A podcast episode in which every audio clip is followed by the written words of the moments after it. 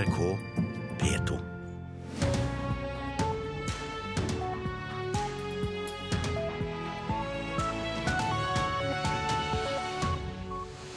Nord-Korea har altså gjennomført en atomprøvesprengning for få timer siden, ifølge presidenten i Sør-Korea. Vi skal straks høre mer fra vår Asia-korrespondent om hva dette betyr. Her hjemme skal vi høre at flere Høyre-ordførere har advart ledelsen i partiet sitt mot å tvinge kommunene til å slå seg sammen. Og I dag er det akkurat 40 år siden Mao døde. En Kina-ekspert er på vei hit til Nyhetsmorgen på NRK P2 og Alltid nyheter. God morgen, jeg heter Ida Creed. Det sørkoreanske forsvaret tror Nord-Korea har gjennomført en atomprøvesprengning. Hvis det stemmer, er det femte gang eh, landet gjør en slik eh, atomprøvesprengning siden 2006. NRKs eh, Asia-korrespondent Peter Svaar, du er med oss direkte. Kan du utdype hva vet vi om denne bomben?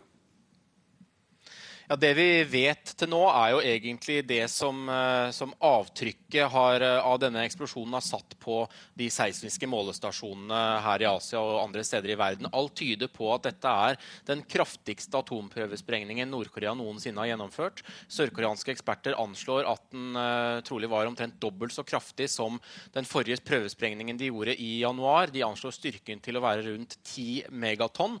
Uh, rystelsen hadde en styrke på 5,3 på Richter-skala. Det er også en del kraftigere enn eh, tidligere i år. Her i Kina har miljømyndighetene nå i morgentimene også satt i gang med målinger av radioaktivitet. og Selve sprengningsstedet ligger jo ikke veldig langt fra den kinesiske grensa, men disse målingene kan også etter hvert fortelle noe mer om hva slags type eh, bombe dette var. Så dette er under eh, utvikling utover morgenen. Men landet har jo gjennomført atomprøvesprengninger tidligere. Hva slags muligheter har egentlig Nord-Korea til å bruke atomvåpen?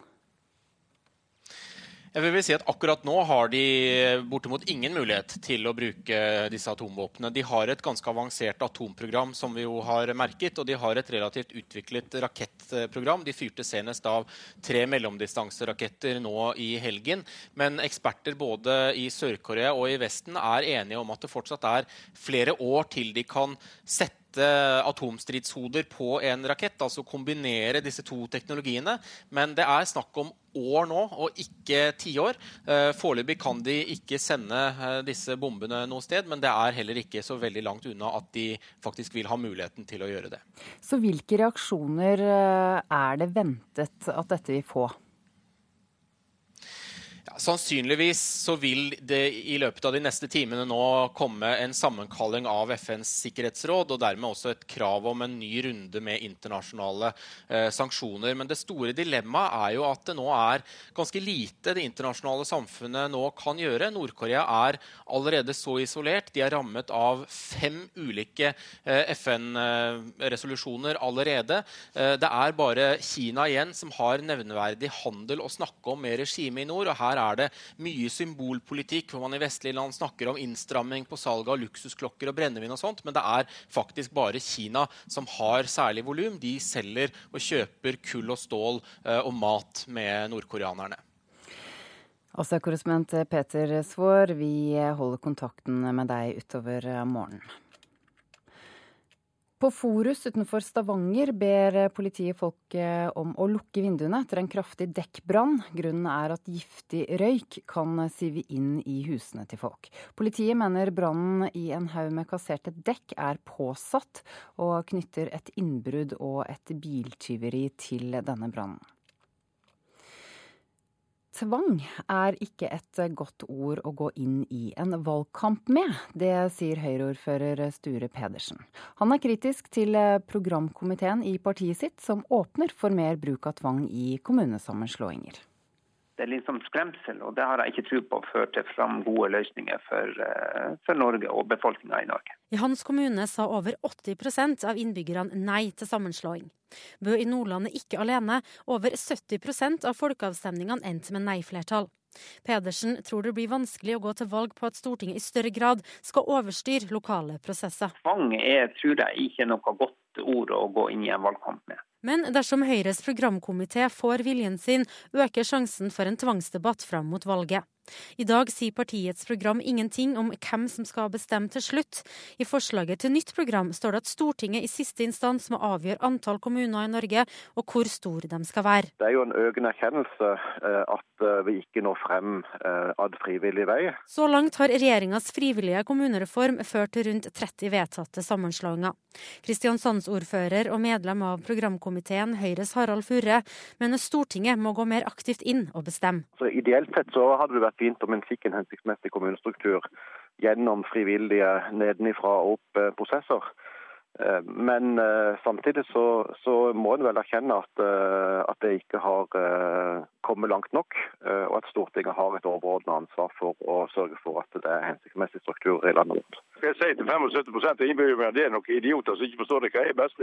Sier Karstein Totland, Høyre-ordfører i Masfjorden i Hordaland. I helga er det Høyres kommunalkonferanse i Trondheim, og der venter han en heftig debatt om Høyres syn på tvang. La denne frivillighetslinja få leve litt lenger altså i, i, i en, par, en valgperiode to til, og se hva som skjer. Jeg eh, kommer iallfall ikke til å stemme for et program med, med, med, tvang. Hvordan tror du det vil påvirke tilliten til Høyre når man eh, først starter en reform der nøkkelordet er frivillighet, og så åpner man i neste periode for at eh, Stortinget skal skjære gjennom og, og bestemme mer? Jeg tror det blir feil. Det blir litt misoppfatta. Altså, jeg reagerer, men Høyre er jo ikke tradisjonelt et parti som går inn for tvang. Det er jo tvert imot. Altså Høyre-ordfører i Masfjorden kommune, Karstein Totland, til reporter Siv Sandvik. Intern uenighet om Høyres syn på tvangssammenslåing blir også tema i Politisk kvarter. For her er det grunnlag for debatt, Håvard Grønli. Mm, ordføreren i Bø i Vesterålen og ordføreren i Kristiansand ser ulikt på hva politikk Høyre bør ha for kommunereform i neste periode, hører vi her. Og de debatterer i Politisk kvarter. Vi spør også om utgreiinga om digitalt grenseforsvar som kom denne veka betyr mer overvåking, eller bare bedre kontroll. Eller kanskje begge deler. Kanskje det.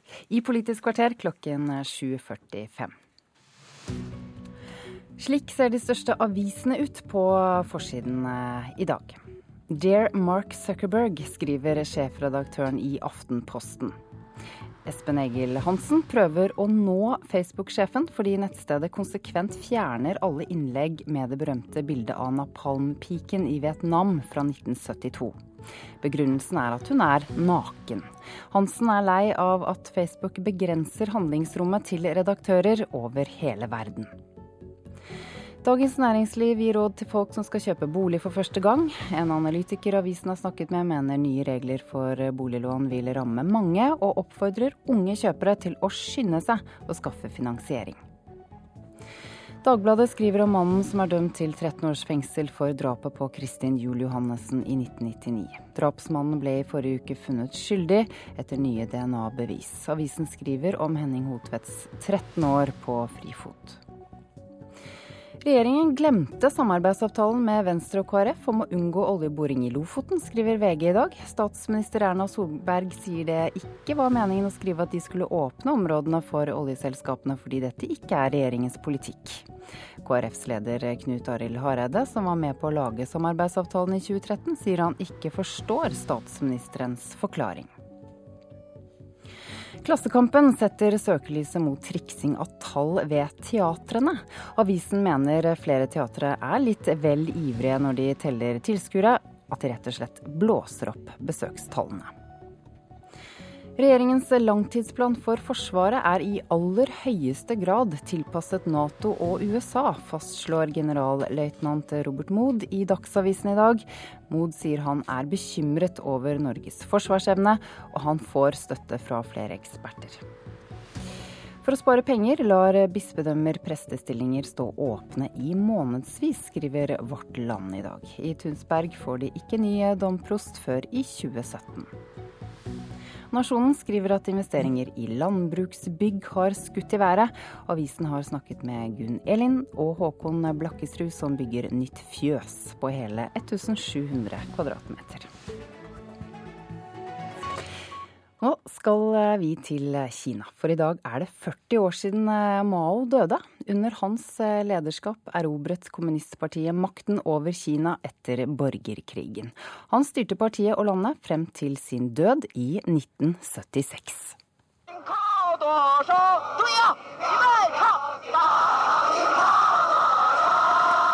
Det gjør fortsatt inntrykk å se de gamle propagandafilmene. De viser studenter og rødegardister med den lille røde boken i den ene hånden. De står foran en bygning og ser på bilder av sin store leder, formann Mao. De hyller ham, ja, nærmest forguder ham. De er i ekstase. Persondyrkelsen av Mao var helt spesiell. Den var like massiv som den man hadde sett i Hitlers Tyskland og Stalins Sovjetunionen, men hengivenheten var kanskje enda mer ekstrem enn for andre diktatorer. Han var deres store leder, store lærer, store øverstkommanderende og store styrmann. Han ga folket skolegang, arbeid og et helsetilbud. Også her i Norge hadde han sine tilhengere i den politiske venstresiden. Men historien om Mao har også mange mørke kapitler. Det store spranget gjennom 50-tallet skulle bygge opp en industri og kollektivisere landbruket. Det gikk helt galt. Mer enn 40 millioner døde. Senere, i 1966, kom den såkalte kulturrevolusjonen. Den førte til voldsomme utrensninger, millioner av døde og rasering av grunnleggende samfunnsverdier. I dag omtales denne perioden som en ti år lang katastrofe. I dag er det 40 år siden Mao døde, 82 år gammel. Selv etter sin død skaper han debatt. Hva var han egentlig? Noen omtaler han fortsatt som en landsfader. Enkelte mener han var en stor revolusjonsleder, mens andre igjen hevder han var en katastrofe for Kina. Ja, det sa utenriksmedarbeider Eirik Veum. Kina-kjenner og tidligere forsker ved Senter for utvikling og miljø ved Universitetet i Oslo, Harald Bøckmann. Velkommen hit til Nyhetsmorgen. Ja, hva var Mao egentlig? Han var eh, en som gikk i spissen for eh, å fri Kina fra kolonimaktenes dominans. Eh, etter åtte år med krig som Japan påførte Kina, og mer enn 100 år med uh, kolonidominans. Så da han utropte folkerepublikken i Peking den 1. oktober 49, og sa at nå har det kinesiske folket reist her, så var det en realitet bak det. Hva var hans største feilgrep? Ja, Noen vil si kanskje at vi, for, for, for, å fortsette med det viktigste han gjorde, at å oppbygge uh, et sosialistisk samfunn, men det var nettopp også der de store feilgrepene satte inn. Altså skulle, han var god til å krige, men han var ikke så god til å styre, for å si det sånn. Eh, han var en utålmodig sjel, en utopist, som ville oppnå det umulige på kortest mulig tid. Hva var det? Hva var det umulige? Nei, Det var å omdanne det kinesiske samfunnet fort og gæli, kan du si, for å si det populært. Og det gikk altfor fort i svingene. Men på den annen side så har også uh, kulturrevolusjonen, da, som var hans siste store grep og forsøk på liksom, å styre politikken, den har også kommet til liksom, å bli symbol på hele Mao-tida. Dette innslaget som var her, det illustrerer også det at det var slagord og Mao og, og persontilbydelse eh, gjennom eh, hele perioden. Og det var det i tilløp, men det var mye, mye mer enn det. Det gikk fort og gæli, sier du. Hvor mange mennesker døde egentlig direkte eller indirekte som følge av Maos politikk? Ja, Dette er jo liksom en ganske grotesk måte å sette regne på. Men altså man, man, man, anslår, eller jeg vil anslå opp mot 40 millioner totalt, eh, som også ble nevnt. Noen få millioner i første åra da man begynte å omdanne samfunnet. Og så kommer dette katastrofale eh, store spranget hvor folk døde da i milliontall, eh, iallfall 30 millioner. Kulturrevolusjonen den varte jo nå en ja, mange mener ti år, men jeg mener nå ikke det, en fem-seks år kanskje. Der var det forferdelig mye kan si, menneskelig sånn eh, fornedrelse og strid, men eh, det døde vel ikke så mange, hvis man sier 1,5-2 millioner, hvis man kanskje mener at det ikke er så mye. Men, eh, men det, mange ble påført seinskader som fremdeles preger den eldre generasjonen i Kina i dag. Hvorfor fenget Mao og hans politikk så mange unge mennesker i den vestlige verden også på 70-tallet? Nei, Da må vi skru tilbake til 60-tallet, faktisk. Uh, ungdomsopprøret i Vesten. Uh, ikke bare i, i, i, i Frankrike. Eh, og det andre var at det sovjetiske systemet ble jo sett på som et veldig forstokka sånn gammalmannssystem. Og ingen av de, altså Det var ikke noe inspirasjon, men Kina under kulturrevolusjonen ble jo sett på som et ungdomsopprør. og at på en måte det var en fornyelse av den opprørske sosialismen. Det var den viktigste som da leda inn i 70-åra, som førte til en annen utvikling igjen. Hvilken eh, betydning vil du si at Mao har i dag? Han har en veldig stor betydning. Han er en landsfader, vel med bismak. Men eh, likevel, han er opphøyd på en pidestall. Kineserne liksom, de, de, tar fram det som de syns er bra med han, og så feier de det andre under eh, teppet. Eh, det er klart eh, det vil etter hvert bli et mer eh, sammensatt bilde av Mao, men han, hans posisjon den rokkes ikke. Og i folkekulturen er han blitt en slags sånn forfar da, som har sånn guddommelige egenskaper. Altså Hvordan markeres dagen i dag? Ja, Det lurer jeg på, jeg også. Det er spennende. Det har jo vært en slags sånn, sånn pseudomaoistisk fornyelse under den nåværende partiledelsen. Men det er bare liksom på symbolplanet. Fordi den politikken som føres i dag, er ganske motsatt av den Mao førte. Eh, fordi eh, i dag er det snakk om kontroll, mens Maos kanskje største bidrag vil jeg si, det var å prøve å slippe løs dette systemet som han hadde vært med å bygge opp. Harald Bøckmann, takk for at du kom hit til oss. Det sørkoreanske forsvaret tror Nord-Korea har gjennomført en atomprøvesprengning i natt. Politiet her hjemme ber folk om å lukke vinduene på Forus utenfor Stavanger pga. en kraftig bilbrann. Sladderpresse, millionbøter og gråtende tilståelser, det er noen av ingrediensene i det som kalles eh, tidenes største medieskandale i Danmark. I dag starter eh, rettssaken. Klokken er blitt 6.50. Dette er noen av hovedsakene i Nyhetsmorgen eh, i dag. De raskeste jeg har svømt mot noensinne, det sier Sara Louise Rung etter at hun sikret Norges første medalje i Paralympics i Rio i natt norsk tid. 26-åringen som var regjerende paralympisk mester på 200 meter fri, klarte ikke å henge med på den tøffe starten, og endte på bronseplass sterkeste heat jeg har svømt mot noensinne. og det, det Ja, jeg er glad det ble bronse. Ja, Det blir jo medalje da på Sara Louise Rung, som er regjerende mester. Men det ser ut til å bli tungt å forsvare gullet når den kinesiske 18-åringen virkelig har trykka til her. Og det går vel mot bronse for eh, Sara Louise Rung på 200 fri. Og den kinesiske 18-åringen Li Chang holdt unna og svømte inn til gull foran spanske Teresa Perales og den norske 26-åringen, som fikk tiden 2.51,37. Rung, som tok gull på 200 meter fri under Paralympics i London for fire år siden, var ubeseiret på distansen siden 2009. Men i natt ble det for tøft å holde følge. Vi lå kanskje litt for langt bak etter første 100. Eh, da ser jeg de vender en eh, god meter, halvannen foran meg, og da det er hardt å ta, ta så mye igjen. Du svømte ned tida si fra i morges og gjorde et bedre løp nå på kvelden enn du gjorde eh, på formiddagen. Men det var ikke helt optimalt. Så du ble hengende litt for lenge i starten der. Men det ble det det ble, og det var det jeg var god for i dag. Det sier trener Morten Eklund. Rung skal delta i hele sju øvelser i Paralympics, og allerede i morgen er det nye medaljemuligheter for svømmeren fra Madla svømmeklubb. Ja, det er klart. Jeg har eh, flere øvelser i vente og mange kjekke løp å se fram til. 50 fly og en eh, favorittøvelse, men jeg vet at de to jentene som vant foran meg her i dag, de er òg eh, sterke kandidater. Så jeg skal gjøre, gjøre det beste jeg kan. I morgen svømmer Rung 50 meter butterfly, reporter Hilde Liengen. Over 200 etterlyste personer er stoppet i grensekontrollen på Oslo lufthavn eh, så langt i år. Det viser et brev Politidirektoratet sendte Justisdepartementet i sommer. Kontrollørene har også nektet flere hundre personer innreise, og avslørt 44 eh, med falske dokumenter. Dette viser hvor eh, viktig det er med skjerpende kontrollører på jobb, mener Lars Hegstad, seksjonssjef for grensekontrollen på Oslo lufthavn. En god grensekontroll er eh, kriminalitetsforebyggende, uten tvil.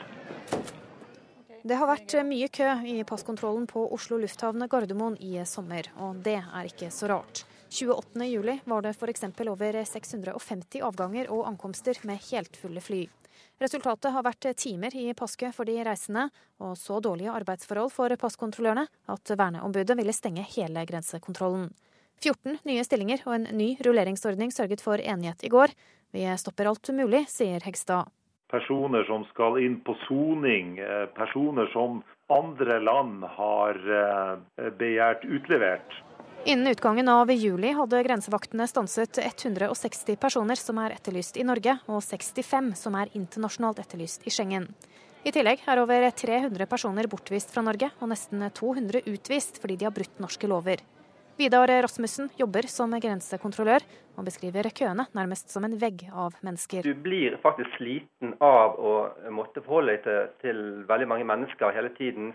Eh, en annen ting som eh, man har også i bakhodet, er det samfunnsoppdraget man har. Man vet det at eh, glipper man, så kan jo det få konsekvenser. Og ja, det glipper. Det kan Hegstad fortelle. Ja, dessverre så, så har det skjedd. Vi har uh, f.eks. fått sendt folk fra England, London, som uh, har gått gjennom på falske dokument. Hegstad er glad for at bemanningen av passboksene nå blir bedre, og sier jobben som grensevakt krever mer enn å lese på et papir. I tillegg så må, så må grensekontrollen eh, lese personen, snakke med mennesker og, og, tolke dem. Er dette en person som virker nervøs på noen måte. Er hans reiserute naturlig? Det er jo det som gjør at man har avslørt såpass mange.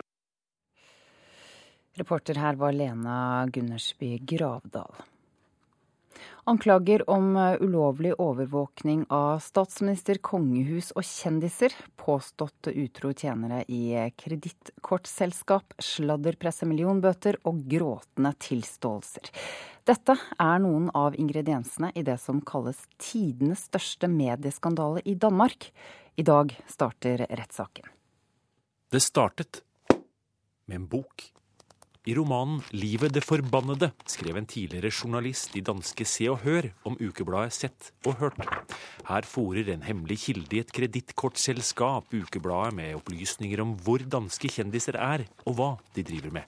Og, og, hvis det viser seg at det er hold i de anklager, så er det jo en, en, kjempe skandale. Sa litteraturredaktøren i Berlingske Tidende etter utgivelsen.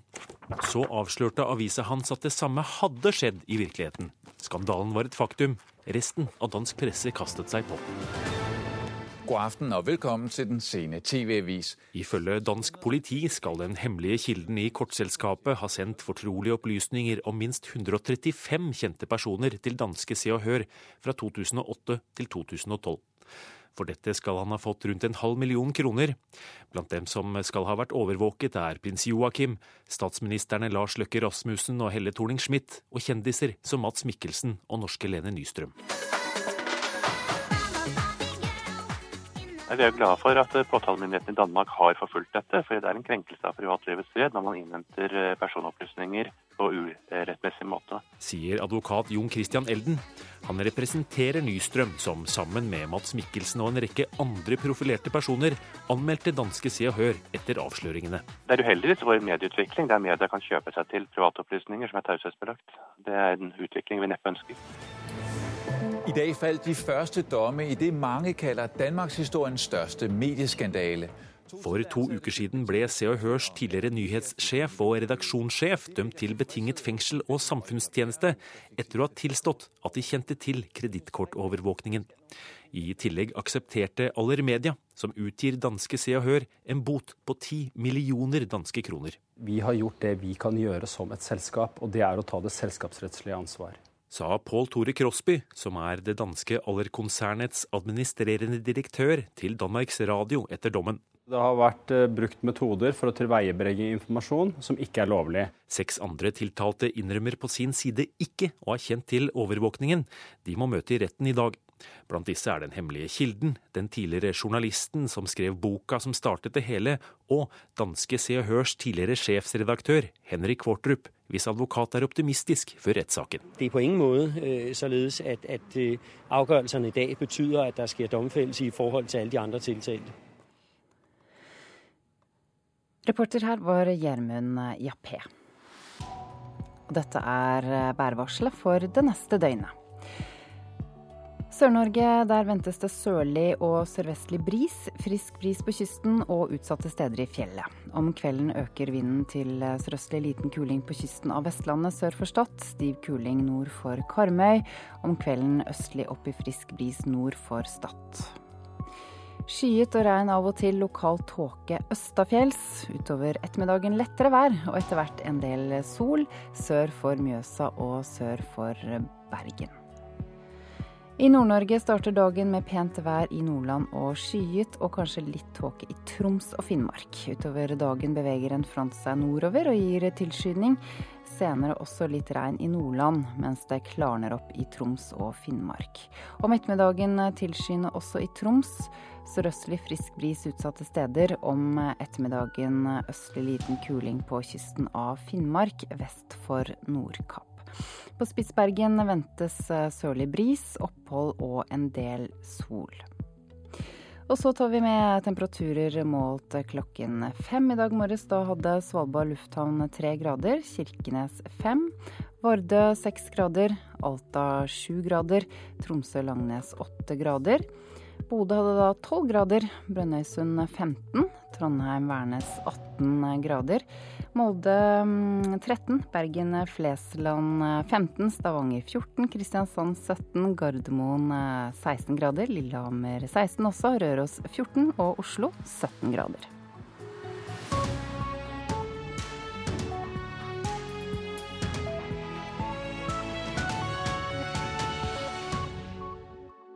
NRK P2.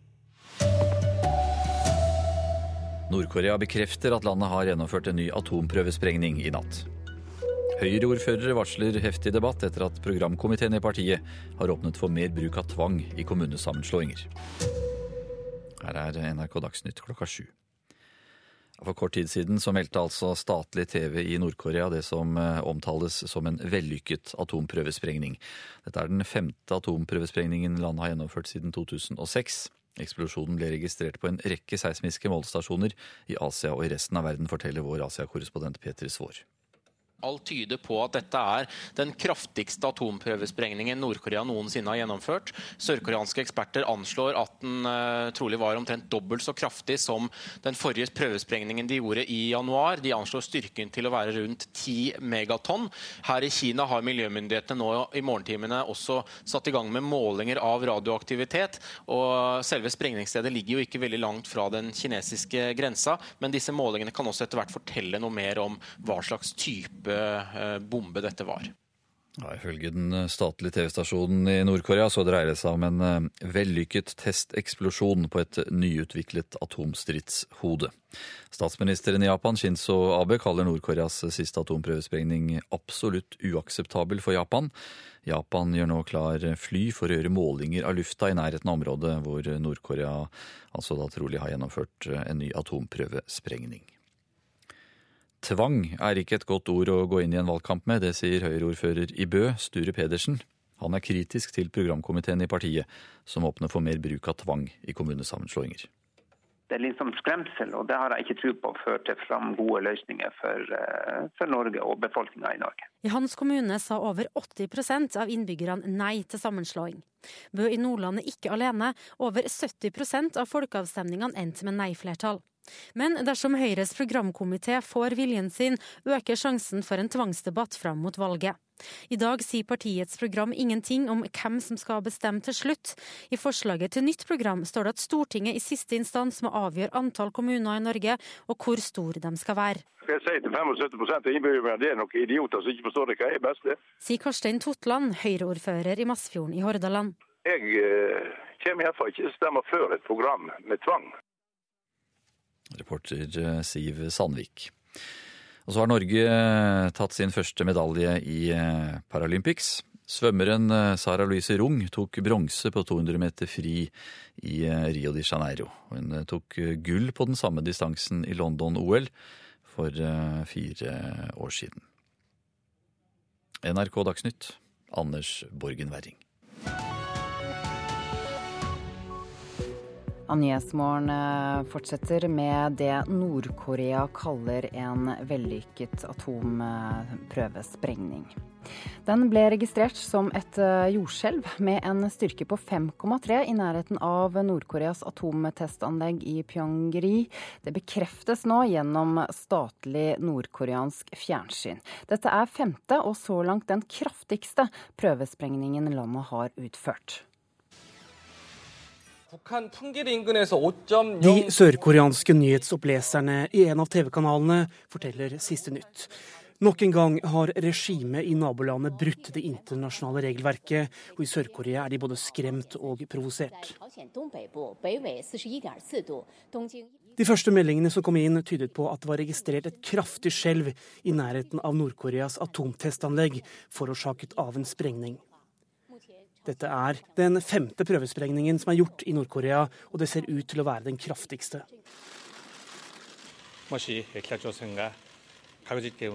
Også i Tokyo er de nå redde. Landets statsminister Shinzo Abe reagerer kraftig og mener sprengningen er helt uakseptabel. De siste ukene har situasjonen i regionen blitt mer spent etter at Nord-Korea har gjennomført en rekke rakettester. Det er ventet at FN også denne gangen vil reagere kraftig på prøvesprengningen. Både Sør-Korea og USA sier de er bekymret over det som skjer i regionen. De overvåker alt Nord-Korea gjør, og etterretningsvirksomheten blir neppe mindre fremover. Nord-Koreas ledere har truet med å angripe både USA og naboen i sør hvis de føler seg truet. Det sa utenriksmedarbeider Eirik eh, Veum. Asia-korrespondent eh, Peter Svaar, du følger denne situasjonen utover morgenen. Hva er siste nytt nå? Nei, Vi vet jo foreløpig ikke så mye mer om eh, hvilken type bombe som, eh, som, er detonert. Den har altså eh, hatt utslag på Richter skala på 5,3, som har fått eksperter i Sør-Korea til å anslå at den hadde en styrke på rundt 10 megatonn, omtrent dobbelt så kraftig som den prøvesprengningen Nord-Korea gjennomførte tidligere i år. Det store spørsmålet er jo om regimet i nord også denne gang vil hevde at dette var en såkalt hydrogenbombe, en type atombombe som er langt kraftigere kraftigere enn eh, en andre typer bomber. Eh, det sa de i januar. Det ble ikke trodd av internasjonale eksperter. Det er mulig at de kommer til å, å hevde det nå på nytt. Hva slags eh, sanksjoner kan vi se for oss? Det er jo det som er eh, det internasjonale samfunnets og Vestens store dilemma nå. At det er eh, veldig få verktøy igjen i verktøykassen overfor Nord-Korea fordi sanksjonsregimet allerede er så strengt. Nord-Korea er eh, allerede rammet av fem sikkerhetsrådsresolusjoner som begrenser nær sagt all handel med landet, med noen unntak. Og Det gjør at det er de aller færreste vestlige land som driver noen utstrakt handel i det hele tatt. Det landet som har noe volum volum på sin handel nå med Nord-Korea, det er nabolandet Kina. Og der eh, handles både kull, stål og matvarer i ganske stort eh, omfang. Og det gjorde jo kineserne klart eh, under eh, forrige prøvesprengning i januar i år at eh, de var med på å gå med på strengere sanksjoner mot regimet i nord, men de var ikke med på å sultefòre eh, nordkoreanerne. Ja, hva er egentlig grunnen til at Kina ikke griper inn? Ja, De griper jo inn, men de er ikke villige til å, å sultefòre regimet. og Det er to viktige grunner til det. For det første så deler Kina en relativt lang og porøs 1600 km lang grense med Nord-Korea. og De må i motsetning til alle andre land eh, også bekymre seg for en eventuell flyktningstrøm på rundt 25 millioner sultne nordkoreanere dersom regimet skulle falle sammen. Den andre grunnen tror jeg også har med at eh, dersom eh, det skulle bli en regimekollaps i Nord-Korea, så vil eh, også Kina få eh, det eh, amerikansk støttede Sør-Korea mye nærmere inn på sin grense. Og det er det jo heller ikke noe ønske om eller interesse for her. Takk til deg, NRKs eh, Asia-korrespondent Peter Svaar. Da skal vi høre at innvandrere som sender penger til familie i hjemlandet, sender penger selv om de har dårlig råd. Spesielt gjelder dette somaliske familier, viser en undersøkelse fra Prio.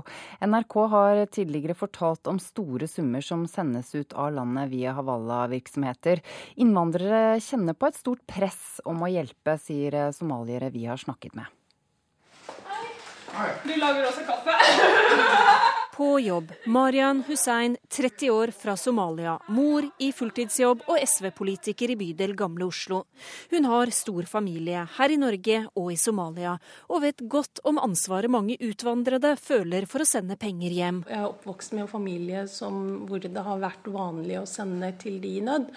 Og det har vært alt fra å gi noe til noen som skal ha et sykehusopphold, til å sørge for at noen får seg skolegang. NRK har tidligere fortalt at mellom 3 og 4 milliarder kroner sendes ut av landet via Havala-virksomhet, ifølge Finanstilsynet, som er en metode for å sende penger til land uten fungerende bankvesen. Store summer som blir sendt i hovedsak for å hjelpe familie i hjemlandet. Blant Husseins venninner er det flere som sender flere tusen kroner i måneden, sier Hussein. Det merkes på lommeboka. Når du må tenke eh, om du skal kjøpe nye nye vintersko til eh, barnet ditt, eller om du skal sende penger sånn at uh, søstera di får et tak over hodet eh, i, i Syria. Mm. ikke sant? I 2012 gjennomførte Prio en undersøkelse som sammenlignet hvordan pakistanske familier og somaliske familier så på det å sende penger hjem, sier forsker Jørgen Karling ved Prio. Vi sammenlignet somaliere og pakistanere og fant at somaliere ofte sendte penger selv om de strevde med å få endene til å møtes her hjemme, mens pakistanerne først så an om de hadde råd til det, før de sendte. Hvor mye hver enkelt familie sender til hjemlandet, er vanskelig å si. Somalierne ofte fikk veldig akutte forespørsler fra familiemedlemmer i en nødsituasjon og følte at de var nødt til å sende penger uansett. Mens for pakistanernes del var det mer et spørsmål om noe som var hyggelig å gjøre overfor familien, hvis man hadde penger til overs. Det er valg som er vanskelig å ta, sier Marian Hussein. Noen opplever press, de fleste et stort ansvar når man har reist til Europa og har stor familie i hjemlandet. Mange unge mennesker som kommer hit, kanskje har eh, mor og far som er igjen i hjemlandet. De har søsken, eh, nieser og nevøer. Eh, sånn at det er jo veldig nær familie som nødvendigvis ikke får eh, mat, eh, mat, på bordet eller kan risikere å ikke stå husløs. Reporter Ellen Omland. Da skal vi til USA, for der viser meningsmålingene nå at republikanernes presidentkandidat Donald Trump er i ferd med å redusere forspranget som den demokratiske konkurrenten Hillary Clinton har. Ifølge Real Clear Politics, som beregner gjennomsnittet på målingene, så leder Clinton nå med 2,8 prosentpoeng i landet sett under ett. Every time I think about Trump, I get allergic. Når jeg tenker på Trump, får jeg en allergisk reaksjon, sa den demokratiske presidentkandidaten Hillary Clinton nylig, da hun nesten mistet stemmen på et valgkamparrangement. Både hun og den republikanske konkurrenten Donald Trump driver nå intens valgkamp. Begge vet hvor mye som står på spill, og begge ser muligheten for en seier. Etter partienes landsmøter i sommer hadde Clinton et forsprang på 8-10 prosentpoeng, men den siste tiden har dette krympet. Read Clear Politics gjennomsnittsmålinger viser nå at forspranget har krympet til 2,8 prosentpoeng på landsbasis. So and Hillary Clinton lied last night about numerous things, including her email, but she also lied about this. Det er så mange løgner. Hillary Clinton lyver om e-postene sine og om andre ting, sier Donald Trump. Tidligere har han hatt grovere karakteristikker av sin motstander, men han har trolig fått råd om å dempe retorikken noe nå som det bare er to måneder igjen til valget. Justeringen ser også ut til å ha en effekt på meningsmålingene. Men målingene viser også at Clinton leder mer i de viktige vippestatene, der innbyggerne ikke stemmer tradisjonelt for det ene eller det andre partiet. Det kan bli svært viktig for utfallet av presidentvalget. En god del av velgerne truer med å sitte hjemme under valget fordi de misliker begge kandidatene. And we found very weak support for the claim that if they don't like either candidate, they just don't vote. And I våre undersøkelser har vi funnet lite støtte for påstanden om at folk ikke vil stemme fordi de ikke liker noen av presidentkandidatene, sier professor Jonathan Nagler ved New York-universitetet. Han tror at oppslutningen om valget denne gangen kommer til å bli som vanlig, selv om temperaturen er høyere og følelsene er sterkere i valgkampen denne gangen. Her reporter her var Jan Espen Kruse. Velkommen i studio, journalist og kommentator i Minerva og USA-ekspert Jan eh, Arild Snoen. Forteller disse målingene oss eh, noe om at det har skjedd en endring da, i styrkeforholdet mellom kandidatene? Ja, det har det. Det er vanlig at du får en eh, bonus når du har hatt landsmøte. Sånn at, at Clinton da tok en ganske god ledelse. Det var ikke så rart. men det varte lenger enn vanlig fordi eh, Trump hadde en uvanlig dårlig eh, august. I hvert fall de første tre ukene. Han sa veldig mye rart, og så kranglet han bl.a. med foreldrene til en soldat som, som, var drept. Og det slo ikke godt an. Så han forlenget denne kurven, da. Nå er vi mer tilbake til det normale, at den eh, bonusen fra landsmøtene er borte. Før landsmøtene så leder Clinton med 4-5% nå leder hun med rundt 3 så det er ikke stor forskjell. Men et gap på 3 er jo mulig å tenke seg å tette. Ja, Hvilke eksempler har vi fra tidligere presidentvalg som viser at en av kandidatene har hatt en sluttspurt som har brakt ham, vi må jo si ham, inn i Det hvite hus? Ja, Det har vi faktisk ikke. Eh, det er ett eksempel. Fra 1952 så har det vært sånn at den som har ledet to uker etter landsmøtene, eller i midten av september, har fått flest stemmer. Eh, og da med ett unntak blitt president. Unntaket er Al Gore, som fikk flest stemmer, men ikke flest eh, valgmannsstemmer, fordi han hadde ikke de riktige statene. Så det er altså det er lite sannsynlig, hvis vi ser på historien, at dette skal kunne gå. Eh, men 3% er ikke umulig. Ja, noen stater regnes jo som sikre for de to kandidatene. California er ett eksempel for Clintons del. Oklahoma er en stat som regnes som en sikker seier for Trump. Er dette et mønster som ofte blir stående uten endring? Ja, det, det, skjer ikke så veldig mye fra valg til valg når, når, vi skal identifisere det som vi da kaller vippestater, de som, som kan vippe den ene eller andre veien. Det er en 30-35 stater som er rimelig sikre eh, til et eller det andre partiet. Eh, det skal være et valgskred for å endre på det. Og så er det da ca. et dusin stater som er mer åpne. Men når vi kommer på VIP-stater, så må jeg si at dette er nerdestoff. Ja, det er jo det. ja, og dette det overdrives ofte fra media for å skape en litt sånn kunstig usikkerhet, etter min mening. Eh, fordi det er jo sånn, med dette ene unntaket for Al Gore og ett langt bak i historien, så er det den som vinner flest stemmer, som vinner valget. Så det er bare hvis det blir ekstremt jevnt, jevnt sånn som det var i 2000, at dette er noe å henge seg opp i. Så dette er ikke ekstremt jevnt foreløpig? Det er ikke det. Da snakker vi om en halv eller 1% eller kanskje 1,5% Da kan statene eh, avgjøre. Hvis det er 3% som nå, og blir det i valget, så vinner Hillary Clinton. Ja, Kommer dette forspranget til å bli mindre med en gang Clinton er ferdig med forkjølelsen sin, tror du? Det er vanskelig å spå hva som skjer videre nå, men, eh, men det, er hvert fall, altså, det er en sånn naturlig syklus at Trump skulle lukke litt. Og så har han kanskje lukket litt mer enn eh, mange, inkludert meg selv, trodde. Så nå får vi se. Det er også sånn at uh, Trump i begynnelsen av sommeren ikke Han brukte ikke TV-reklame, men nå har han begynt med det. Vi kan muligens se en effekt av det. Kanskje ikke, men det kan være én grunn til at han nå er, si, konkurrerer med Clinton eh, på TV-skjermene gjennom reklame. Det gjorde han ikke tidligere. Takk for at du kom hit eh, og eh, tok denne nerdete praten med oss, journalist og Minerva-kommentator, og USA-ekspert Jan Arild Snoen.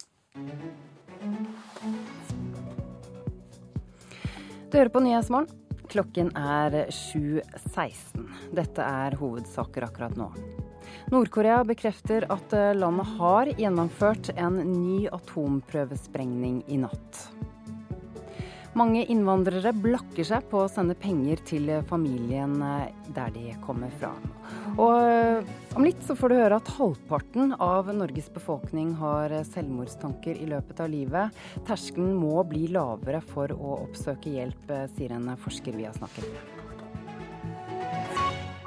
Men først, det er viktig at USA og Tyrkia samordner sin innsats mot terrororganisasjonen IS i Syria. Men det er avgjørende at lokale styrker gjør hovedjobben, slik at dette ikke fremstår som en krig mellom Vesten og den muslimske verden. Det sier Natos generalsekretær Jens Stoltenberg, som er på besøk i Tyrkia nå. Sent i går hadde Natos generalsekretær sitt første møte med Tyrkias president Recep Tayyip Erdogan etter kuppforsøket 15.7. Siden de to traff hverandre sist, har Nato-landet med alliansens nest største hær trappet opp sitt militære engasjement i nabolandet Syria. Og denne uken gjorde Erdogan det klart at dersom USA vil gå inn for å knuse IS, hovedsetet Raqqa, så blir Tyrkia med. Er det en god idé at USA og Tyrkia slår seg sammen for å ta Raqqa? Det er i hvert fall veldig viktig at de samordner sin innsats. og Det å ta Raqqa er en, en, del av det som eh, koalisjonen mot ISIL eh, skal bidra til. Men jeg tror alle er opptatt av at det skal være eh, lokale styrker som gjør eh, jobben. Eh, fordi kampen mot ISIL kan ikke bli en kamp der Vesten står mot den muslimske verden. Det må være lokale styrker som gjør hovedjobben. Men det er ett problem mellom de to Nato-medlemmene Tyrkia og USA. Det heter YPG, den kurdiske militsen i Syria som har tatt kontroll over flere områder nord i landet. Tyrkias regjering mener at YPG er en terroristorganisasjon som samarbeider med den kurdiske militsen PKK, en annen organisasjon på Tyrkias terrorliste. Nå angriper Tyrkia YPG-militsen, som altså er USAs venn i kampen mot IS. Det viser bare hvor eh, vanvittig komplisert, men også hvor eh, brutal eh, den konflikten vi nå ser i Syria er. Jeg mener det er bra at Tyrkia nå trapper opp kampen mot IS. Det er viktig, og vi ser også framgang i det arbeidet. Sier Jens Stoltenberg til NRK. USA har etter alt å dømme utplassert 50 atomvåpen på Interlik-flybasen, som brukes av amerikanske jagerfly for å bombe IS inne i Syria.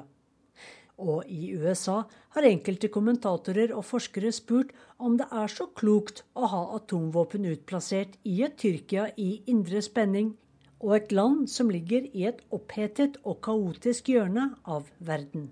Er det en debatt i Nato også? Vel, Jeg vil aldri kommentere på uh, hvordan og hvor uh, Nato har atomvåpen. Men det jeg uh, kan si, det er at Incirlik-basen er en viktig base.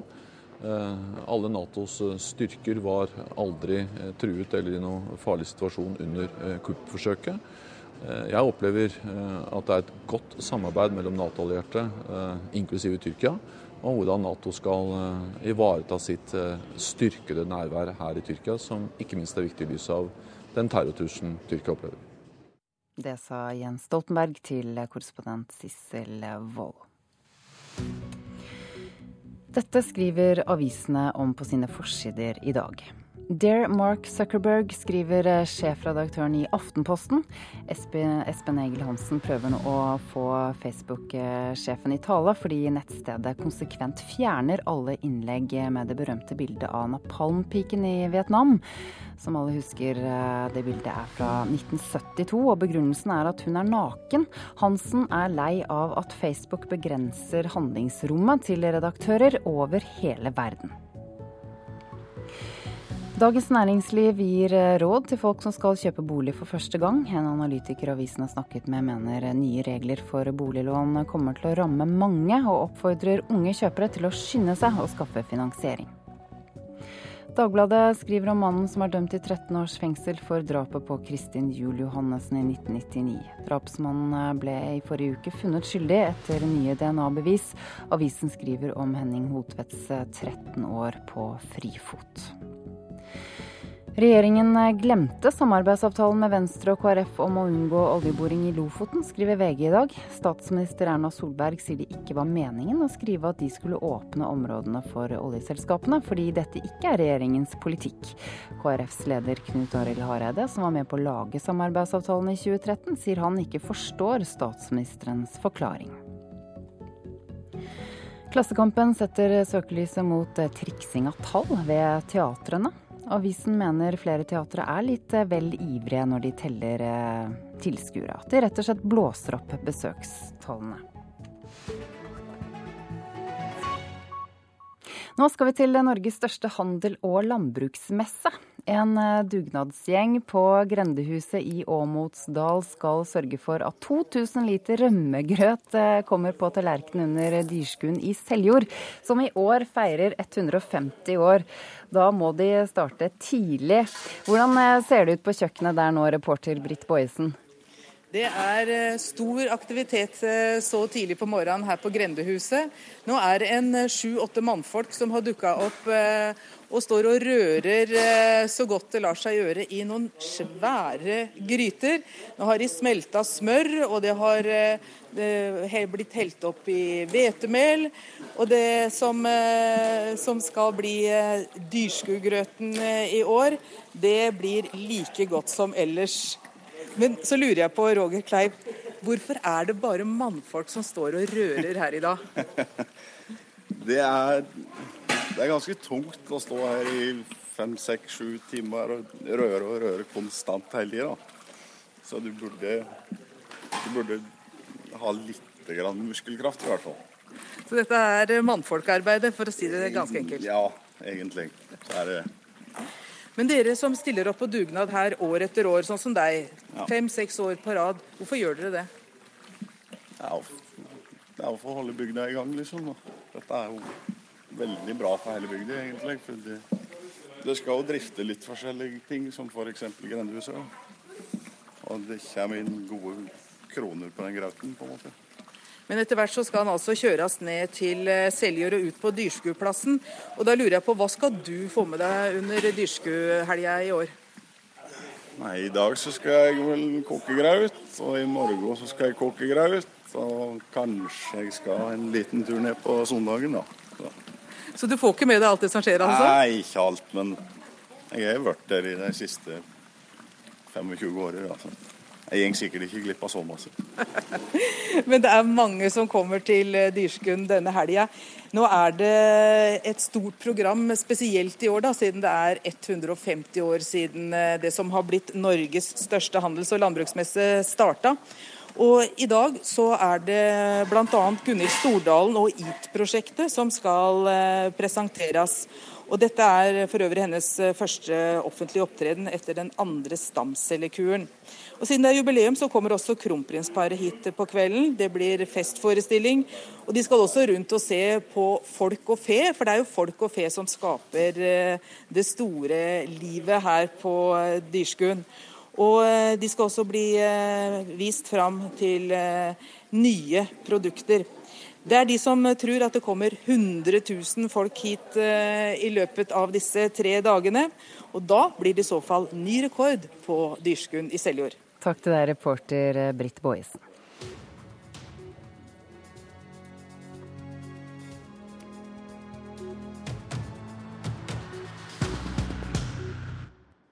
Skal handle om noe alvorlig her i Nyhetsmorgen nå, for halvparten av Norges befolkning har selvmordstanker i løpet av livet. Og mange får depresjoner uten at de vet det selv. Terskelen for å oppsøke hjelp må bli lavere, sier forsker. Det er vel ingen tvil om at det har blitt mye mer åpenhet de siste par tiårene. Men jeg tror fremdeles vi har eh, et godt stykke å gå, både for å kunne snakke mer om det. Hvis man gjør det, så får man jo ofte mer støtte og hjelp fra, fra venner og bekjente. Og ikke minst også kunne klare å søke profesjonell hjelp når det trengs. Det sier Fredrik Valby, forsker ved Nasjonalt senter for selvmordsforskning og forebygging ved Universitetet i Oslo. Halvparten av alle nordmenn har tenkt på å ta sitt eget liv, og mange har også depresjoner. Vi regner med at i hvert fall fjerdedel av befolkningen vil, vil ha en depresjon i løpet av livet. Det mest vanlige er selvfølgelig de, altså de mildere eller moderate tilfellene. Over 500 mennesker tar sitt eget liv hvert år i Norge. Han mener flere må tørre å oppsøke en lege eller psykolog hvis man sliter psykisk. Hvis man har alvorlige selvmordstanker, så er jo det et symptom på at man er i en krise og at noe er galt. Og da er det viktig at man tenker at man må skaffe seg hjelp, eller hvis man er pårørende eller bekjent eller på en annen måte kjenner noen som sliter så mye, så er det viktig å få hjelp med en gang. En av de som ønsker å hjelpe, er fastlege Kristin Stokke. Hun opplever ofte pasienter som kommer med psykiske plager. Jeg vil nesten si daglig. Det er iallfall flere ganger i uka. I større eller mindre grad. Så det er et utbredt problem og utfordring da, i, hverdagen. Hun er ikke overraska over at halvparten av alle nordmenn opplever selvmordstanker. Hun mener samfunnet krever mye. Man skal strekke det som mor, man skal strekke det på sosiale arenaer, man skal strekke det Det er så mye, og det kan for mange bli for mye. Altså Man legger for mye press på seg sjøl, og så kjenner man at det begynner å butte. Men så tenker man at det her, sånn skal det jo ikke være. Det skal jo fungere overalt. Og så er det lett å møte veggen. Og det kan ofte arte seg i en depresjonslignende tilstand. da. Sjøl om mange oppsøker henne med plager, mener hun at for mange går for lenge før de oppsøker hjelp. Jeg tror nok mange presser grensene for lenge. Ofte når en møter veggen, da, så har du ikke vært der før. Så du kjenner ikke signalene før det ofte er for sent. Men jeg ser det på folk, altså når du har fulgt eh, pasienter over år så er det ikke så veldig vanskelig å se at nå er det noe som ikke er greit. Og får folk mer kunnskap om menneskets syke, vil det kanskje bli enklere å oppsøke fastlegen sin. Så ofte opplever jeg det som en oppgave å ikke sykeliggjøre, da. Altså, en depresjon trenger ikke å være en depresjon, det er bare at det har blitt for mye. At man er sliten og trenger en timeout. Da har jeg erfaring med at det er lettere å komme seg videre enn at det skal gis en diagnose og skal behandles med tabletter og kanskje psykiatri. Ja, Det sa fastlege Kristin Stokke til reporter Johannes Børstad. Du lytter til Nyhetsmorgen. I reportasjen etter Dagsnytt kan du høre om en ny dramatisk redningsaksjon av båtflyktninger utenfor Libyas eh, kyst. I Politisk kvarter klokka 7.45 skal det handle om digitalt grenseforsvar. Og det skal også handle om eh, kommunereformen. Produsent for Nyhetsmorgen i dag er Ingvild Ryssdal. Jeg heter Ida Creed.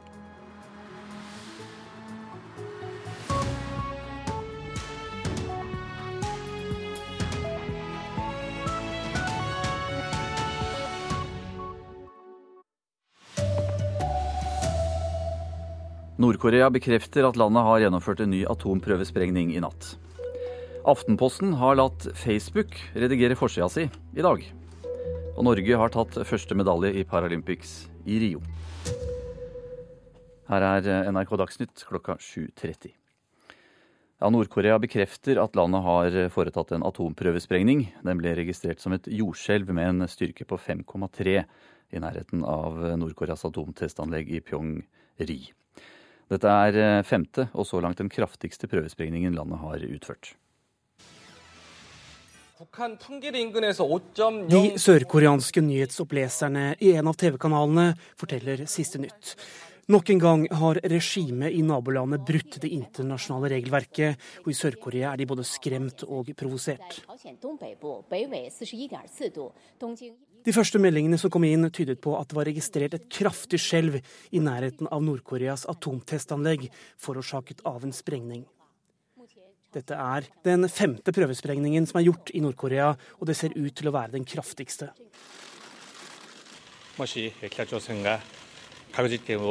Også i Tokyo er de nå redde.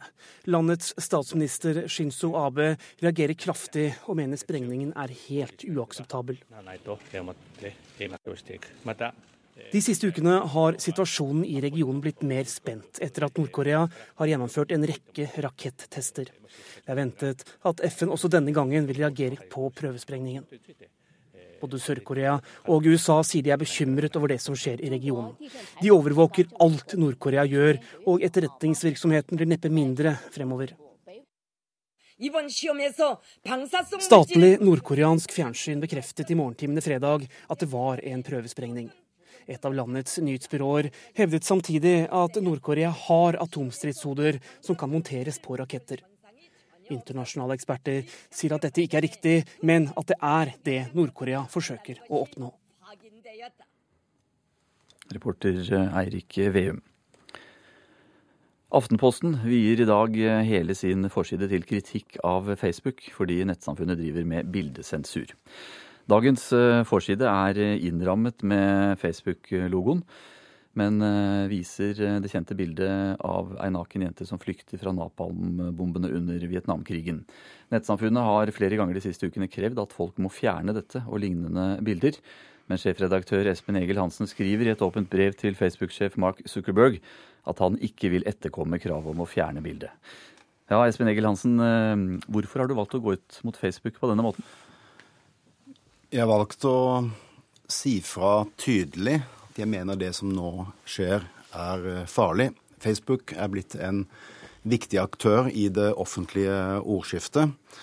Og eh, medienes oppgave er jo noen ganger å bringe fram ubehagelig informasjon. Det er det som gjør at vi kan diskutere uh, på en skikkelig måte. Det er et fundament i vårt demokrati. Og med den sterke posisjonen Facebook nå har, så ønsker jeg å si fra tydelig at når de går inn og redigerer den offentlige debatten på denne måten, så mener jeg det er farlig. Men nå har så å si alle medier eh, for lenge siden akseptert å bruke Facebook som formidlingskanal, og dermed gitt fra seg redaktøransvar. Eh, er ikke dette her en litt naiv kritikk? Ja, i vår artikkel så skryter jeg mye av eh, Facebook. De har vært flinke. og... Vi diskuterer nå alle på Facebook. Det er blitt en del av vår uh, alles hverdag. Vi, de fleste av oss er veldig glad i uh, Facebook, men nettopp derfor så må vi si ifra. Aftenposten, vi må være til stede der våre lesere og folk er. Facebook er, er enkelt og greit et viktig sted for det offentlige ordskiftet i dag. Dere har intervjuet eh, mange i avisa deres i dag om dette her. Eh, forlagsdirektør Anders Heger sier bl.a. at Facebook eh, og samarbeidet mellom mediene bør opphøre, og dere må finne andre kanaler, sier han. Ja, Aftenposten har ingen samarbeid med, med Facebook, men våre saker blir delt, og, og, og vi deler der. Det er, en, det er en litt annen debatt. I denne omgangen så vil jeg si fra Jeg henvender meg direkte til uh, sjefen for Facebook, Mark Zuckerberg, med en uh, sterk appell. Espen Egil Hansen, sjefredaktør i Aftenposten.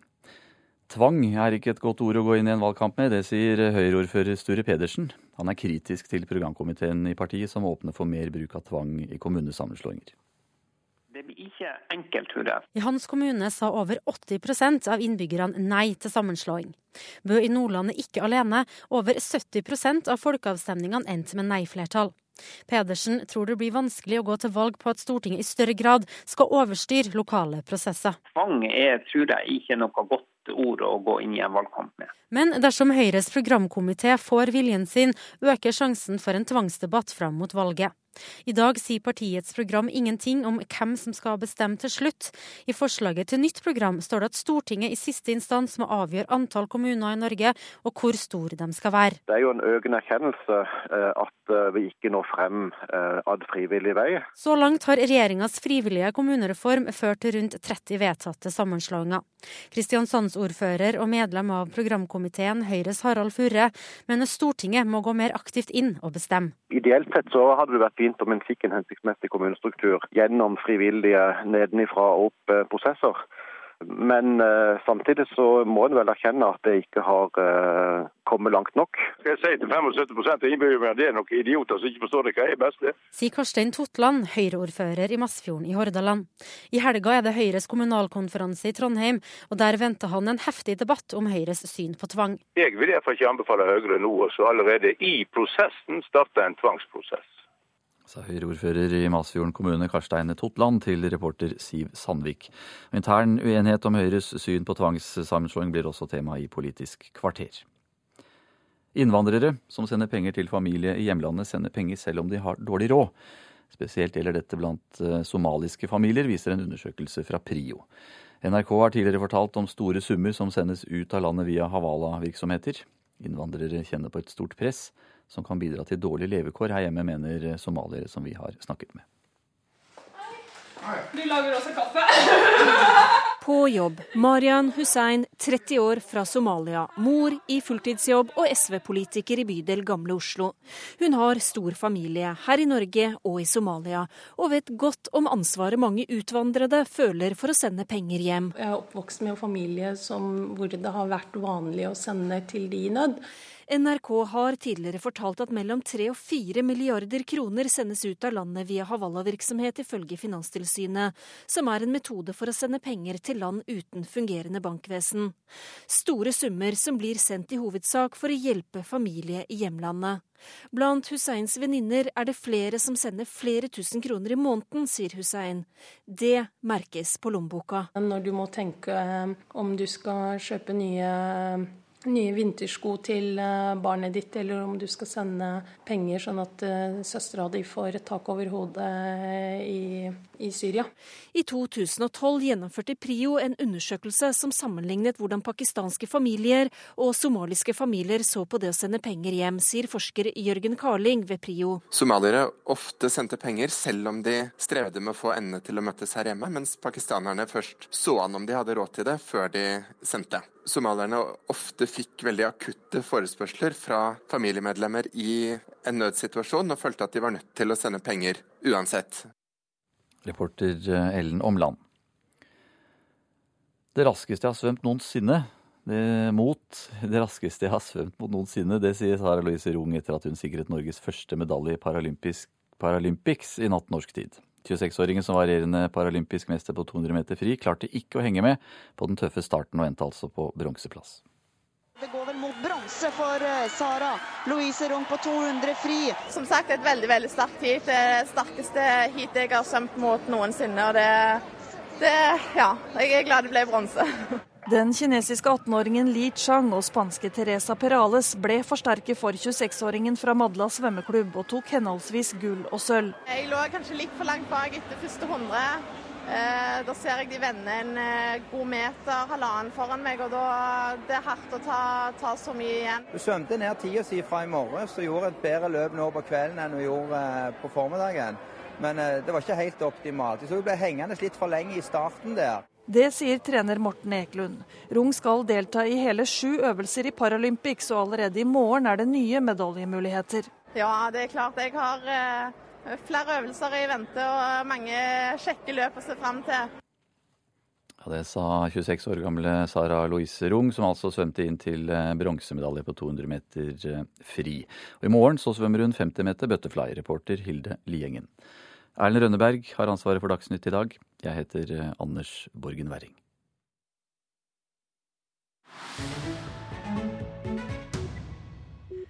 Italia har tatt imot 93 000 båtflyktninger så langt i år. Politiet der har arrestert flere som står bak den organiserte smuglingen av mennesker over Middelhavet. Blant dem som flyktet over havet fra Nord-Afrika denne uken, var mange fra Sør-Sudan. De ble reddet på dramatisk vis utenfor kysten av Libya tidligere denne uken.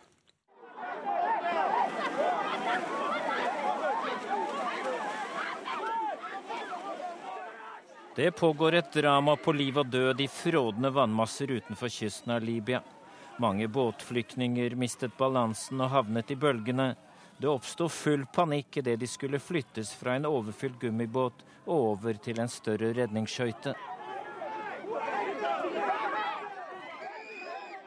Erfarne redningsarbeidere hopper i havet for å berge så mange som mulig. Også hjelpernes liv er i fare. Dramatikken blir filmet av et fjernsynsteam fra britiske Sky News og formidlet til omverdenen via det internasjonale nyhetsbyrået Associated Press. Vi kan se en ung kvinne og en ung mann som utmattede og tilsynelatende livløse blir tatt opp av sjøen. Ingen av dem har redningsvest. Redningsarbeiderne starter med livreddende førstehjelp på dekket av den store båten som kom flyktningene til unnsetning. Denne redningsoperasjonen utenfor kysten av Libya er det MOAS på Malta som står bak. MOAS står for Migrant Offshore Aid Station. Organisasjonen har spesialisert seg på denne typen redningsoperasjoner. Lyn og torden preger havområdet denne dagen. Høye bølger gjorde redningsoperasjonen ekstra vanskelig. Derfor er alle enormt lettet og glade over å være reddet, mens de mottar vannflasker, genser og tepper, innser de hvor heldige de har vært som ble oppdaget av hjelperne fra Malta. Gud velsigne alle som har vært med på å redde oss. Det sier en ung mann ved navn Festus Ebigbe fra Nigeria. Om lag 1000 mennesker, mange barn, ble reddet denne dagen. De ble ført trygt videre over havet til Sicilia i Italia. Det nye i denne puljen er at mange er fra Sør-Sudan. Fem år etter at landet fikk sin uavhengighet, opplever Sør-Sudan en konflikt som minner om en begynnende borgerkrig. Kuet Luoni er en av sørsudanerne om bord.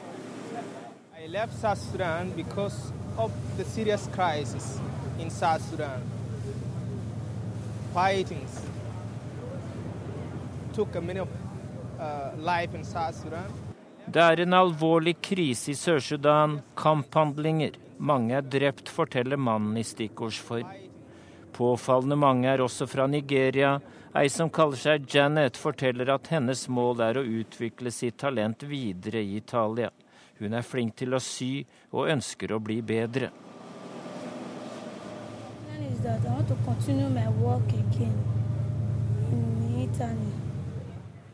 Kanskje Janet vet det, kanskje har hun fortrengt det, at det er nesten umulig å få oppholdstillatelse i Europa hvis du kommer fra Nigeria. Ifølge myndighetene i Italia har italiensk politi arrestert flere som står bak organisert menneskesmugling. Blant de arresterte skal det være 65 fra Ukraina.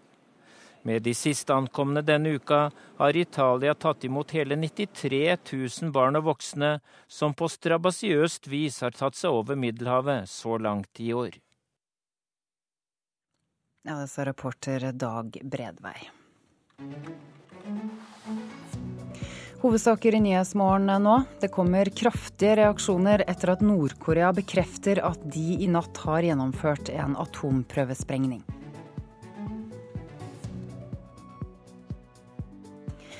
Ikke å skille mellom seksuelle overgrep og bilder fra krig bidrar til en fordumming, skriver Aftenpostens sjefredaktør på avisens forside i dag. Han er lei av at Facebook tar makten fra redaktører over hele verden, og har skrevet et åpent brev til Mark Zuckerberg. Og Norge har tatt sin første medalje i Paralympics i Rio. Det er straks tid for Politisk kvarter her i kanalen. Programleder i dag er Håvard Grønli.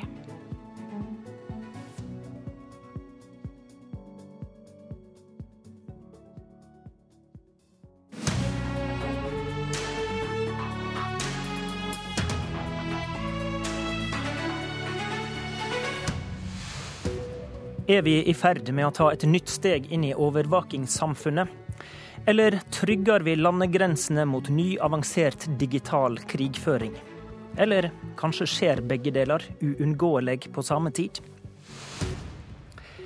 Det skal vi diskutere i Politisk kvarter, og vi skal også snakke med to Høyre-ordførere om hvor mye kommunesammenslåingstvang partiet bør åpne for i sitt nye program. Denne veka fikk regjeringa overlevert ei utgreiing om det som blir kalla digitalt grenseforsvar. Olav Lysne, du har leia utvalget som leverte rapporten til forsvarsministeren. Vi får starte enkelt og pedagogisk. Hva er et digitalt grenseforsvar? Ja, Da skal jeg prøve å gjøre det så enkelt og pedagogisk jeg får til. Uh, all digital trafikk som vi, vi lager, uh, går i kabler. Eller ikke all, det aller meste av den går i kabler. Og det gjør at Norge er koblet på det internasjonale nettverket gjennom kabler som krysser grensen.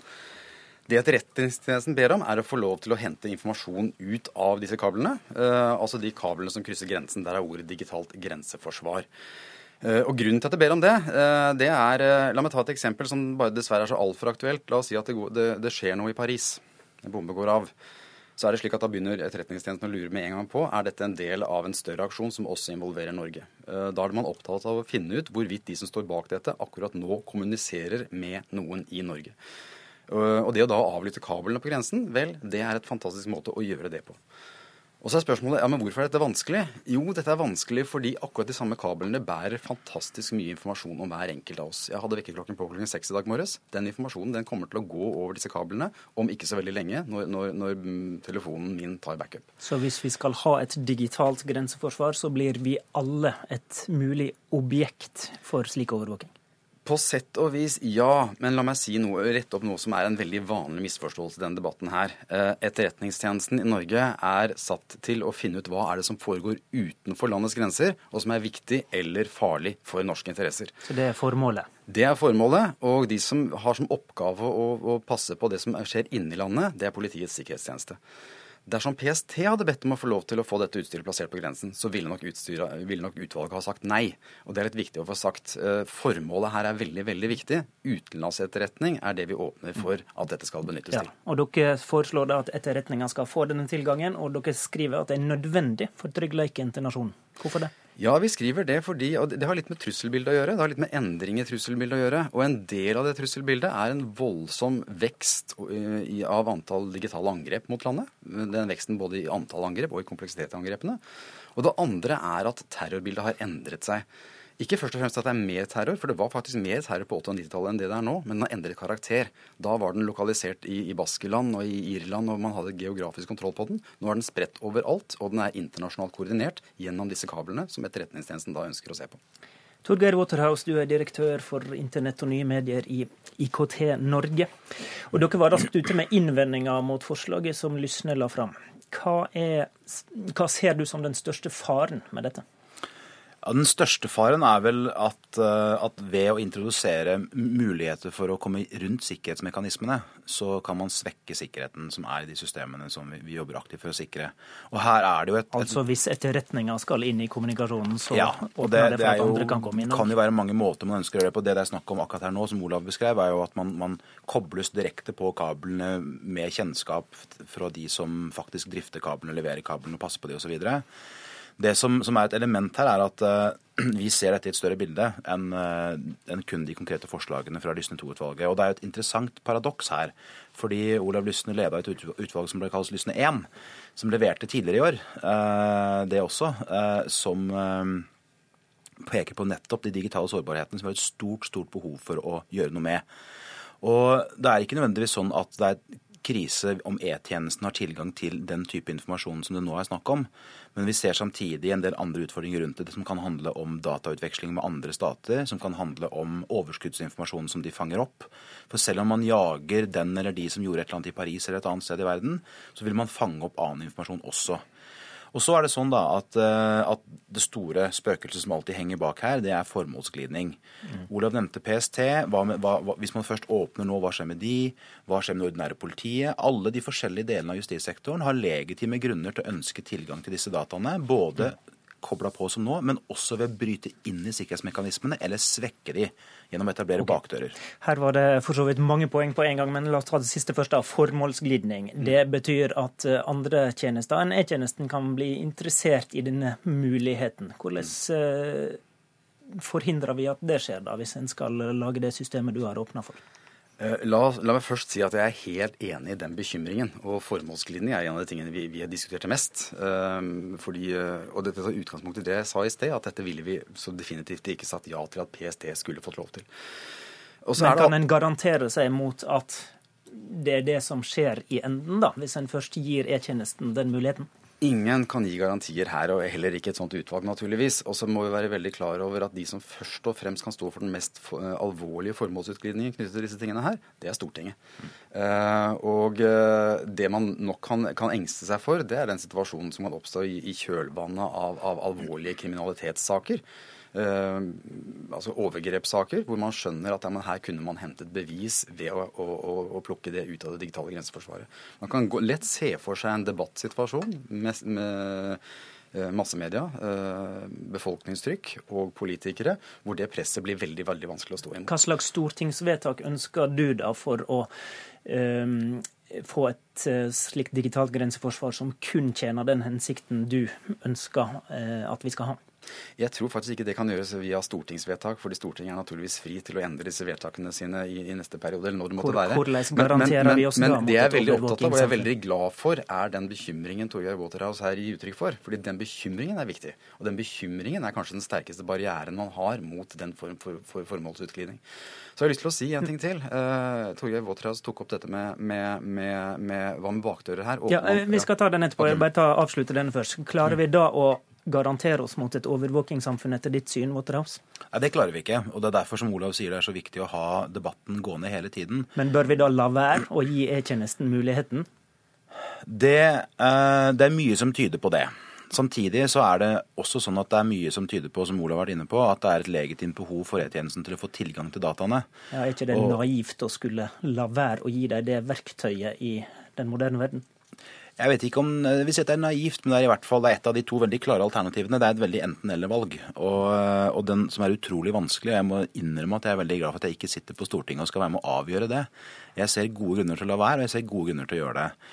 Det er også sånn at, som vi skal huske på her, at Åpenhet rundt dette er utrolig viktig. Vi har tatt til orde for flere ganger at man skal ha en, en slags transparency report fra staten, hvor man gjør rede for all bruk man har av denne typen data og tilganger. Vi må forstå at tilliten til alle digitale systemene er helt avgjørende både for tillit mellom landene, mellom næringsdrivende og forbrukere, mellom myndigheter og innbyggere osv. Så, videre, og så, videre. så tilliten her må ivaretas. Ok, Lysner, du skal få svar på den siste utfordringa til slutt, som du var i ferd med. Eh, Waterhouse mener at dere åpner på en måte ei farlig dør som kan skape en ny sikkerhetsutfordring hvis E-tjenesten får tilgang til bakdøra til eh, folks informasjon. Det er en bekymring som jeg også har lyst til å stille meg litt bak. Eh, Så er det slik at, at aller, det aller sterkeste fagmiljøet vi har i Norge når det gjelder IKT-sikkerhet, eh, det befinner seg i Etterretningstjenesten. Eh, Og så er det mange grunner til det. En del av grunnene er at en, en opplagt oppgave for Etterretningstjenesten er å bruke IKT også offensivt. Eh, Men, men eh, igjen, jeg vil si det samme til Sånn dette. at du tror de vil være i stand da, til å tror- gjøre dette på en trygg måte? Jeg tror ingen i Norge vil være i stand til å gjøre det bedre. Eh, og så er det slik at, som Torgeir sikkert vil være enig i, at på dette området så er det, gis det ingen garantier. Men jeg tror ingen i Norge vil være i stand til å gjøre det bedre. Ok, da har vi belyst kort et ekte dilemma. Det er nå levert en utvalgsrapport til Forsvarsdepartementet. Eh, om en stund så blir det diskusjon på Stortinget, men det er en stund fram. Takk til dere to.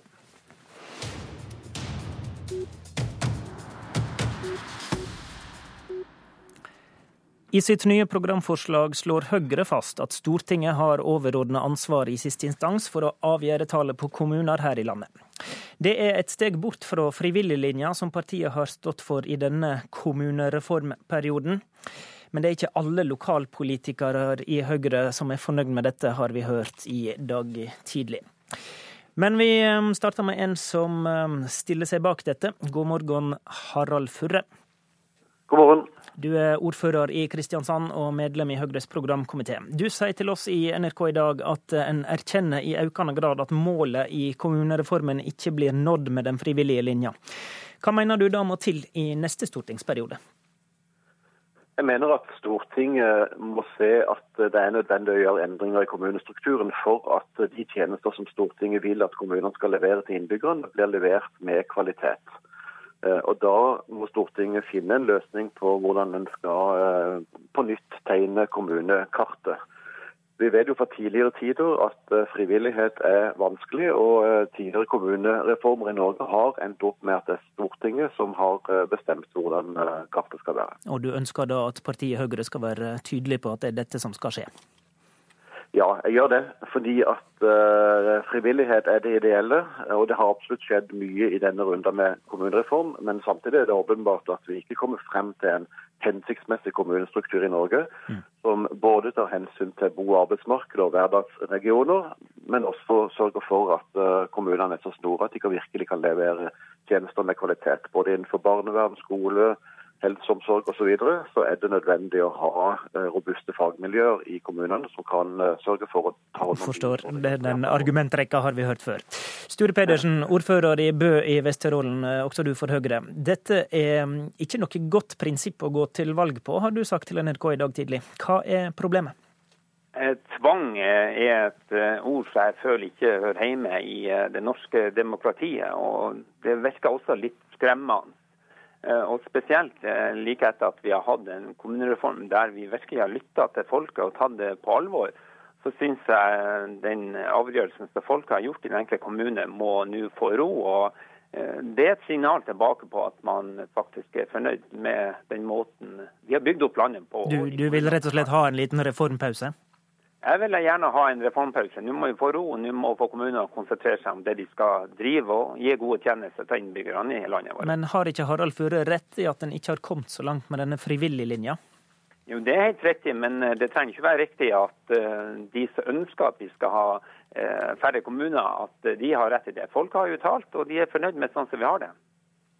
For nå har jo frivillighet vært prinsippet i denne reformprosessen så langt. Er det ikke da å føre folk bak lyset dersom Høyre skal gå inn for at Stortinget skal slå sammen uvillige kommuner i neste periode?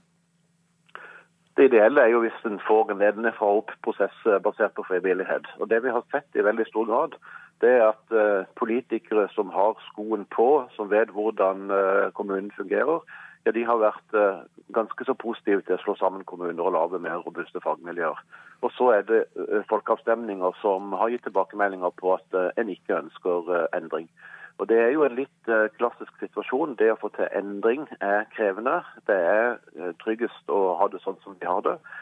Men det er samtidig politikkens oppgave og ikke minst Stortingets oppgave å evne å se fremover hva som trengs mm. av administrative apparater for å levere gode tjenester. Tror du Høyre vil tjene på å, å gå til valg på et slikt tydelig prinsipp? Det er jeg ikke så sikker på, men jeg er ganske sikker på at en tjener på å vise lederskap og tørre å mene noe, selv om det kan eh, være litt upopulært av og til. Mm. Mens du Pedersen i Vesterålen, du tror partiet kan komme til å lide av dette, forstår jeg? Ja, tvang er i hvert fall ikke noe som man uh, kjenner seg igjen. I hvert fall fra Høyres side så har man bygd på dette demokratiet og skal lytte folket, og at folket skal få tale. Så Det tror jeg ikke er noen god tanke at man skal eh, tvangssammenslå kommuner. Pedersen, hva vil du råde landsmøtet i Høyre til å vedta, da? Nei, Det er nå å ta en pause og fortsette en linje som man har sagt hele tida, man skal ha frivillighet rundt dette. For jeg har tiltro til at lokalpolitikere klarer å gi gode tilbud til eh, befolkninga. Og gjør de ikke det, ja, så blir det å skje andre ting på en eh, demokratisk måte. Det er Høyres eh, landsmøte til våren som avgjør hva som blir politikken for neste periode. Takk for debatten til dere to. Hvordan klarte regjeringa å la oljeselskapene melde interesse for leiting i Lofoten, i strid med samarbeidsavtalen med KrF og Venstre? Oljeminister Tord Lien snakker om dette. Han blir intervjua i Nyhetsmorgen rett etter klokka 8.30. På den politiske kalenderen ellers i dag står KrFs landsstyremøte. Vårt Land skriver i dag om at det er opprørsstemning internt i ungdomspartiet, etter at lederen fronta vedtaket om å gå for borgerlig samarbeid. Knut Arild Hareide taler til sitt landsstyre klokka 11 i formiddag. Mykje å følge med på i NRK radio, før Politisk kvarter er tilbake mandag. I studio i dag, Håvard Grønli. Hør flere podkaster på nrk.no podkast.